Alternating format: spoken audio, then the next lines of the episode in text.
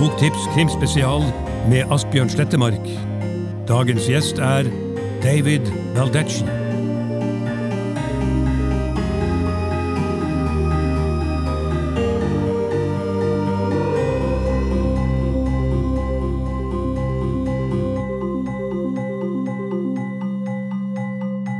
Han debuterte i 1996 med Absolute Power, All makt, på norsk. Den ble en gigantsuksess i bokbutikkene, eh, men òg på lerretet da Clint Eastwood og Gene Hackman spilte hovedroller i filmatiseringen. Siden den tid har han levert ei imponerende rekke thrillere fra øverste hylle. Enkeltstående bøker, men òg serier om Atlee Pine, Amos Decker, Will Roby, Archer, John Puller, King og Maxwell og en haug andre. Suksessen ser ikke ut til å ha noen ende. Og etter ja, drøyt 130 millioner solgte bøker, så sitter han endelig her med oss. Så please, um, welcome to Oslo Crime Festival, Mr. David Baldacci. So nice to finally be able to have you here at the festival. Yes, it's great. Thank you very much. It's wonderful to be here. Um, so how, how is life under the pandemic? I know you you write a, you've been writing I don't know forty plus minus novels since you debuted in since your debut in 1996. Do you, do you keep up the tempo um, during the lockdown and pandemic? Yeah, the only the only silver lining for the pandemic has been that my productivity has really increased. Um, you know, last winter I wrote a couple of books at the same time, and I'm doing the same thing this winter writers need solitude and we need to be away. And one thing the pandemic has just cut off all travel, you know, obviously, which is a hmm. good thing. Nobody wants to go anywhere and infect anybody else. So I really just hunkered down, stayed home, and really focused on writing. And I've been very productive. And everything else is awful around the world. I mean, obviously, but that's you know at least one positive thing for me. Mm. So, so now you've uh, have you does that mean that you've you've built like a, a, backlog of unpublished novels ready to to be published after this horrendous pandemic is is over? Well i've got the next two that are coming out in the us um, are all done. Um, it's one in april. It's a sequel to aloysius archer. Who's my crime noir detective in the 1940s and in November, it'll be the fourth installment of the Atlee Pine series. She's my female FBI agent. And now I'm working on the next two books that'll both be coming out in 2022. So I'm a little bit ahead of the curve right now, which is nice. I'm not always at that mm-hmm. at that spot, so it's nice to be there. Um, you're ahead of the curve, but we're we're a little behind here in Norway because this is the this is the um, last book that was translated to to Norwegian, The Guilty, which is um, from the Will Robie series, but it, it, it's not the last one. But um, if we could talk, start talking a little bit about the guilty or the den skyldige, which is it, it's called in uh, in uh, Norwegian.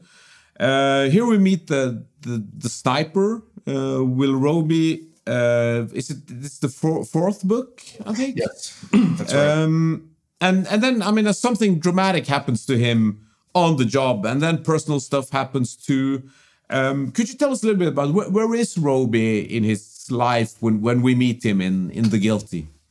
So Will Robie is probably you know the most preeminent American assassin that the government has, and his job is to go out and take out people that are dangerous to the U.S.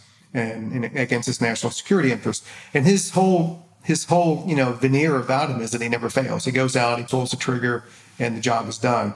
And in the guilty, he doesn't pull the trigger. He doesn't. He just freezes up, and somebody else has to go in as a backup and do the job.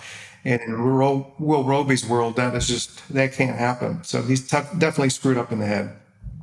And um, he's told by his taskmasters, you know, figure this out, uh, get your head right, um, or you don't have a future with the U.S. government anymore. So for him, that means going back to his hometown in Mississippi, in the deep South, where he grew up and left many years ago. He had a terrible estrangement with his father, uh, so he has a lot of familial problems. And he goes back to this little town to try to figure out and you know what went wrong what went wrong in his head because a lot of it just stems from his childhood. So he meets his father again after 25 years of being away. His father's remarried. They have another child. Uh, they live in this old you know spanish moss draped tree you know around, this old house in the, in the mississippi delta. So it's kind of spooky and gothic environment and a lot of things start to happen to will robie in his old hometown a lot of bad things start to happen But those are the ghosts of his past, and everybody has them. You know, we all have ghosts in our past, things we wish we had done differently, and maybe had a second ch- chance to go back and do it. Most of us don't get that shot. In this book, he did. Mm. Uh, Will Robie, as you said, may, probably one of the, the, the best assassins the American government's ever had. Is he inspired by something specific, stories, uh, real life persons, or anything? Could you give us a little bit more about his, his background? Yeah, I did. Um, I did a book years ago called uh, Last Man Standing. Web London was the character in that one, and he was a member of the uh, FBI's hostage rescue team, HR team. He was a sniper uh, in that team, and he's not going out and assassinating people. His job is he's called in when there's crime involved, hostages, bad guys out there, and you know his, his job is to take a long range shot and take this person out. So that was good. I met one of the snipers, became good, really good friends with him. So I learned the world of sniping really well. I've gone to the ranges, I've fired the sniper rifles, you know, I've shot targets at 1500 meters. It's kind of, it's both exhilarating and terrifying at the same time. Um, and so, so the, the, the facts of Will Robie were sort of grounded in that guy, his training and all that, and what it went into the being sort of that person. And then the other part is just a lot of imagination. You know, you take a person with that sort that skill set and he's employed by a government, you know, what sort of trouble can he get into? Um, and that's really where Will, Robie came from. Hmm. Um, one, thing I really liked about The Guilt is, is the mix of personal and professional stuff. Um, where did you find this story? Does, does it have a specific inspiration where you put, take like will Robie out of his job kind of give him like sniper's block and puts in all this personal stuff?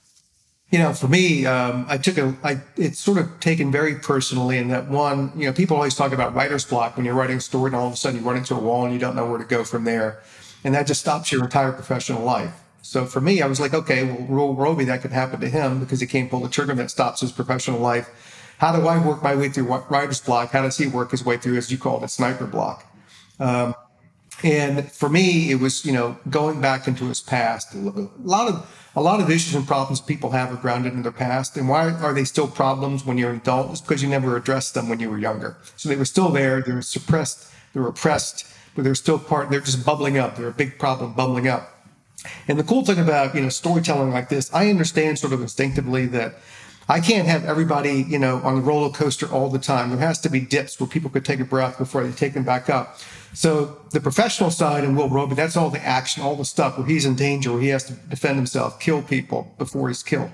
But the personal side is him trying to figure out who he is, where he's coming from, what his problems were in the past, his relationship with his father. Those are the down moments where people can see the human side of him. If I make Will Robie just a, mach- a killing machine, who cares about him? Live or die. People don't really care about machines. So the side you saw in The Guilty, where he's dealing with his family, with this problem from the past, that humanized him. And all of a sudden, readers like, okay, you know what? I do care if he lives or dies because he's human. I see that. He's vulnerable. He's flesh and bone. Mm. If if we um, go a little bit back or, or, back to the beginning of your career, uh, one thing I, was thinking about when I was preparing this interview is that um, uh, just like a lot of other great thriller writers, like for example John Grisham, um, you had quite huge success with your first novel, uh, which was Absolute Power, which was instantly turned into a big blockbuster movie. Um, what impact did the success of your books of, of your debut have on your career? Both, I mean, on, on your career, but also on the way you write.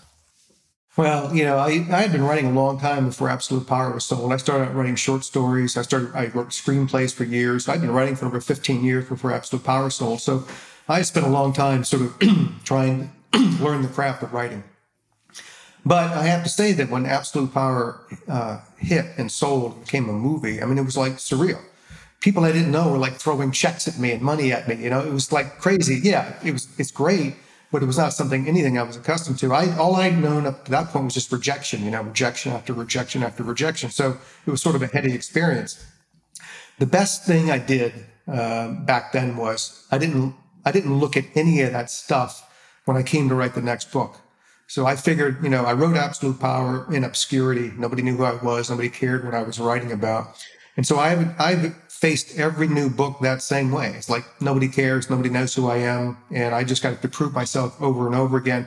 If you start sort of feeling like I figured out what it's like to be a writer, I can write these bang, bang, bang, bang, bang, then you might as well go look for another job because you've lost the very edge that got you to that success. And that edge is this big chip on your shoulder.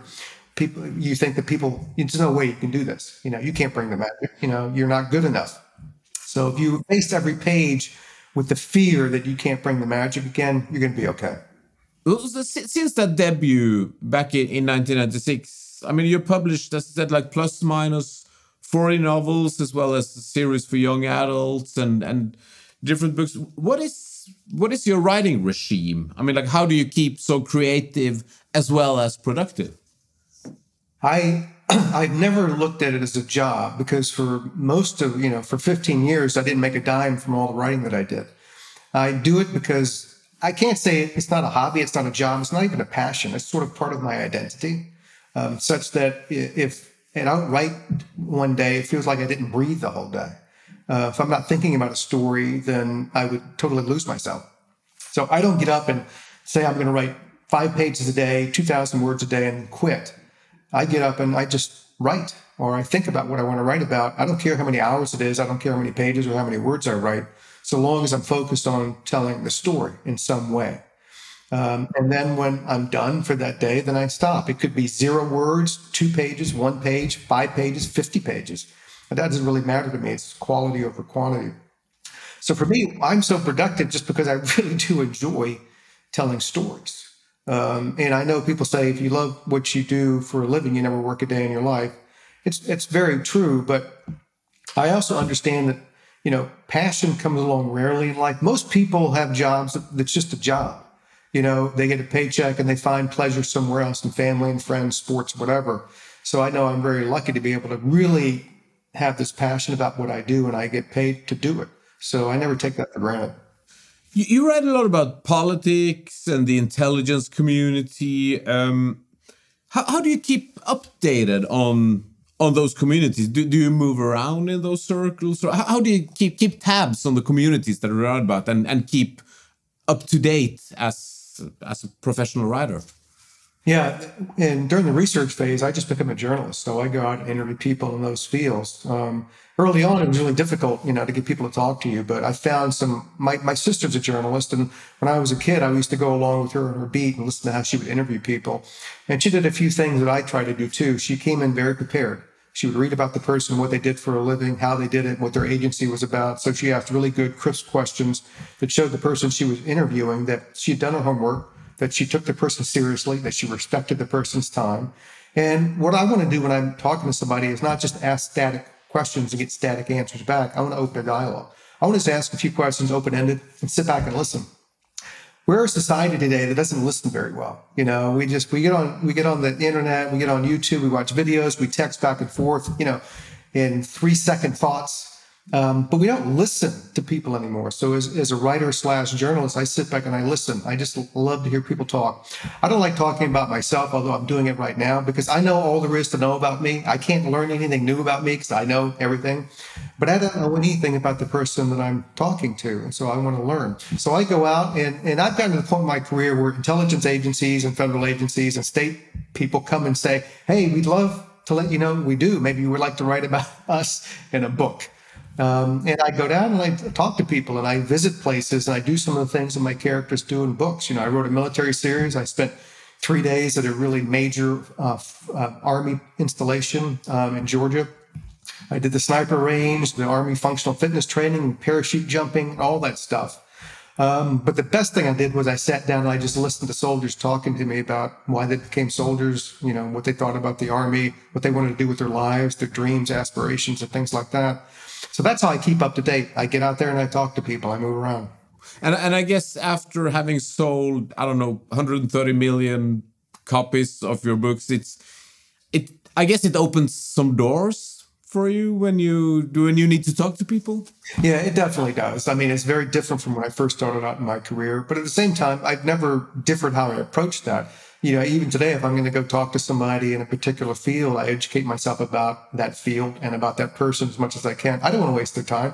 Like I don't want someone to waste my time. So I try to keep, I try to bring respect to everything that I do with people, every interaction I have. I want them to know that I respect what they do and I respect their time.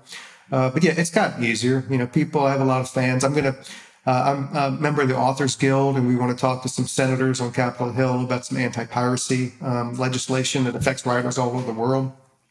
And you know, they brought me on just because they said they apparently everybody in the U.S. government reads my books, so they think it would be really helpful if I, you know, came in and sat down and talked to some of the senators there to help pass this legislation. So it's it's it's different, but I try to approach it the same way. You often mentioned in in interview that you, your mother gave you a notebook when you were a kid and you started writing short stories and and pieces in there. Um, apart from that notebook, could you take us back to that um, time and tell us what inspired you then? I mean, like what kind of writers were you reading when you started to read, and and yeah, what what, what kind of stories has shaped the the young David Baldacci? Yeah, when you know when I was a kid, there was no internet or computers, so um, kids went outside and they built imaginary worlds. And in my neighborhood, I was the imaginary world builder for the whole neighborhood. So I planned all the wars that we fought, all the adventures in the woods, all the stuff that we did on our bikes and our motors, on our mini bikes and stuff like that. And I created this whole whole worlds out of nothing. But I also did another thing that I think most writers will tell you they did when they were younger. They were avid readers, as I was and I would go to the library every week and check out as many books as I possibly could. And my my you know, the spectrum of books I enjoyed back then were the gamut. I you know I remember reading my very first Sherlock Holmes story, um, The Speckled Band, and I thought it was really cool. And I was hoping this Arthur Conan Doyle guy had written more stuff. Luckily, he had. Um, so I love mysteries. Um, I also love fantasy. So you know, Lord of the Rings um, was one of my particular favorites, and uh, I like I like the idea of creating something that didn't exist before, where you had to sort of world build. That was a very fascinating subject for me. Um, and I was a political science major in college, so I read a lot of the great political works, uh, you know, John Stuart Mills and Machiavelli, all the way up. And, um, and those books made you think uh, about the philosophies that people were sort of putting together. So I came out of college and then later law school, you know, having a, a, a sort of a broad spectrum of books that I'd read along the way which I think is good because um, if you want to learn how to write better, I'm not saying everybody can be a best-selling novelist. If you want to learn how to write better, don't go out and buy a self-help book. Just go to the library and check out a book for free and see how someone who actually did it did it and break down a story of how somebody put it together. You know, Raymond Chandler is one of the great crime noir writers, um, and what he would used to do, he would go and you know read books and break down how the writer put it together almost like game film, like a sports, you know, player would do. Um, and if you if you read a book and you love a character, then go back through the beats of that story to see how the writer built that character and why you loved it so much. Because it's right there if you take the time to sort of analyze it. Uh, so for me, it was you know the idea that I had to use my imagination every day just to entertain myself and my friends, and also the fact that I read a lot of books. Are you still an avid reader? Do you still check out? New stuff within, as you said, the suspense and the, and the fantasy genres that you that you used to love as a kid? I, I did. I mean, um, reading is such a part of my life. I can't imagine being without it. Um, when I was a kid, I read for pleasure. Um, when I'm adult, I still read for pleasure. I love seeing how other writers put their stories together. And look, some of it's like, okay, you know, am I as good as that? You know, that's a really good story. Maybe I better up my game a little bit uh, which is also a good thing because you know there are a lot of great writers out there and a lot of great new voices coming forward that are doing really cool, you know, cutting edge things. and for me, it's almost sort of like keeping up with the Joneses. You know, I have to understand what's out there uh, to make sure that my game is still where it needs to be too. But reading is an incredible pleasure, and there's no there's no better feeling than having started a book and then having to go off and do something that day, but knowing that when you know the evening comes, you're going to be able to go back there and jump into the pages and get lost in that story again. That's just a wonderful feeling. Any any specific favorites from from recent years? New new discoveries or writers or books that you've enjoyed?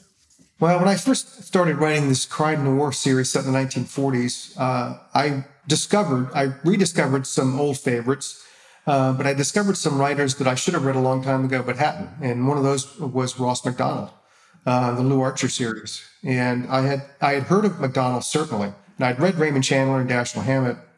I had really not explored Macdonald. He wrote about nearly 20 novels, um, and I've read almost all of them now. Uh, in fact, I'm reading two of them right now simultaneously. Uh, the man was just a master. You know, it's like Dashiell Hammett raised the crime noir here, Raymond Chandler brought it to here, Ross Macdonald brought it to here. Each man built on the edifice the other one had built before. Um, so I'm really loving that. But I'm reading a book right now, Caste, uh, by Isabel Wilkerson, talking about uh, the history of race in the United States. Um, really breaking it down in a way that everyone can absolutely understand the horrific impact that has had on this country uh, to this day. Uh, it's not like it's a problem of the past; it's a problem of the present and of the future. Um, so I read, you know, I read fiction, I read nonfiction. Uh, right now, still Lew Archer uh, is dominating my reading list. Um, speaking about uh, the present, now, now that the dust has kind of settled after after the Trump era, how, how do you think the last four years of what should we say the drama of American politics will affect writers like yourself and, and the whole thriller suspense genre? In one way, it's helped a lot because my whole genre is built on plausibility. Uh, I can write anything I want so long as I don't jump the shark and the reader will go, oh my God, come on, that would never happen. After the last four years, I really feel like I can write anything I want to write and no one could say it's implausible. they just can't because I could point back to, well, that happened and that happened and that happened for real. so how you, can, can you say I can't write this? Um, I, I certainly can write a storming of the U.S. Capitol and no one would think it was implausible. Speaking about that, uh, personally, I'd I'd love to. I, know it's maybe ask, asking for a little bit too much, but personally, I would love to see like the Camel Club engaged in some some Trump era related business. Ha have you thought about bringing back characters that or a series that you kind of suspended or, or finished to, to to look into new stuff? I definitely have, and the Camel Club is sort of at the forefront of that and I've been thinking for years about how to put them back into action. And uh, because of how I built up what they do, they sort of investigate these weird conspiracy kind of things. And right now, the US is the land of conspiracy theories. I don't think we have another peer in the world as far as what a certain part of the population will believe. So I, I definitely say yes. I, I could definitely see the Camel Club coming back and sort of exploring things going on right now from QAnon to everything else because that's right in their sweet spot. That's what these guys do. So you may well see, you know, the Camel Club come back in action. Oh, excellent. Um, one final question for you, uh, Mr. Baldacci. You you've written a lot of standalones. I remember when I started reading your novels, I used to first dig into to the standalones, but you also introduced a lot of like, characters for series, like the Camel Club, as as mentioned, as well as others. Uh, and I always thought, uh, and I, I thought about that when I was reading The Guilty now. Um, when you start writing uh, the, the, the stuff that ends up a series, do you map them out as series, or do you stand start writing it as a standalone, and then you realize that okay, this should definitely grow into something bigger? How, do you map out those uh, series? That's a great question. My very first series was King and Maxwell and that um, and I didn't I didn't think that was going to be a series when I started writing the book. I thought it was just going to be a standalone. And so I didn't plan anything. I just wrote the story. And at the end, I was like, wow, they're really good together. They have a lot of chemistry and there's enough backstory that I could definitely keep going. And so I wrote four, five more books with them in it. And that really started my mind thinking that um, if I can create compelling characters with a lot, a lot of depth, and a lot of emotional baggage and things that I can tie into for future books. I can go from, as I call it, feature film writing to episodic television writing. You know, so then instead of having one shot at these characters, I have multiple shots. So I decided that's really the name of the game for me. That's where I wanted to go because I wanted to spend more time with these characters. I had more I wanted to say about them and think about them. So right now, going forward in my career, I like I spend a lot more time on the development of the character initially because I'm thinking in my mind, okay, I've got five or six different things here that none of none of them are going to be addressed in this book, but it's going to be fodder and material for the books coming after that. So I do sort of plan it out now. I, I love these characters very much. I mean, I could never have written just one book about the Camel Club. They were too much of an intriguing sort of ensemble cast. They had so much going on. Uh, so for me, it's a pleasure. I get to see them, you know, year after year after year instead of having one shot at them. All right. Uh, thank you so much, uh, Mr. David Baldacci, for taking the time to chat with us. And just one uh, um, final thing to our Norwegian viewers here. Um, husk å sjekke ut alle de andre postene som ligger på uh, Krimfestivalen sin hjemmeside og på YouTube. Og uh, rundt om det er vel til sammen 50 forskjellige intervju og samtaler. Uh, masse gull som er verdt å ta tak i der. And then Uh, as I said, thank you so much, Mr. Baldacci, and then we hope to see you again live in person at the Crime Festival, maybe sometime in the future. Thank you very much. I enjoyed it. Thank you. Boktips, en podkast fra Cappelen Dam.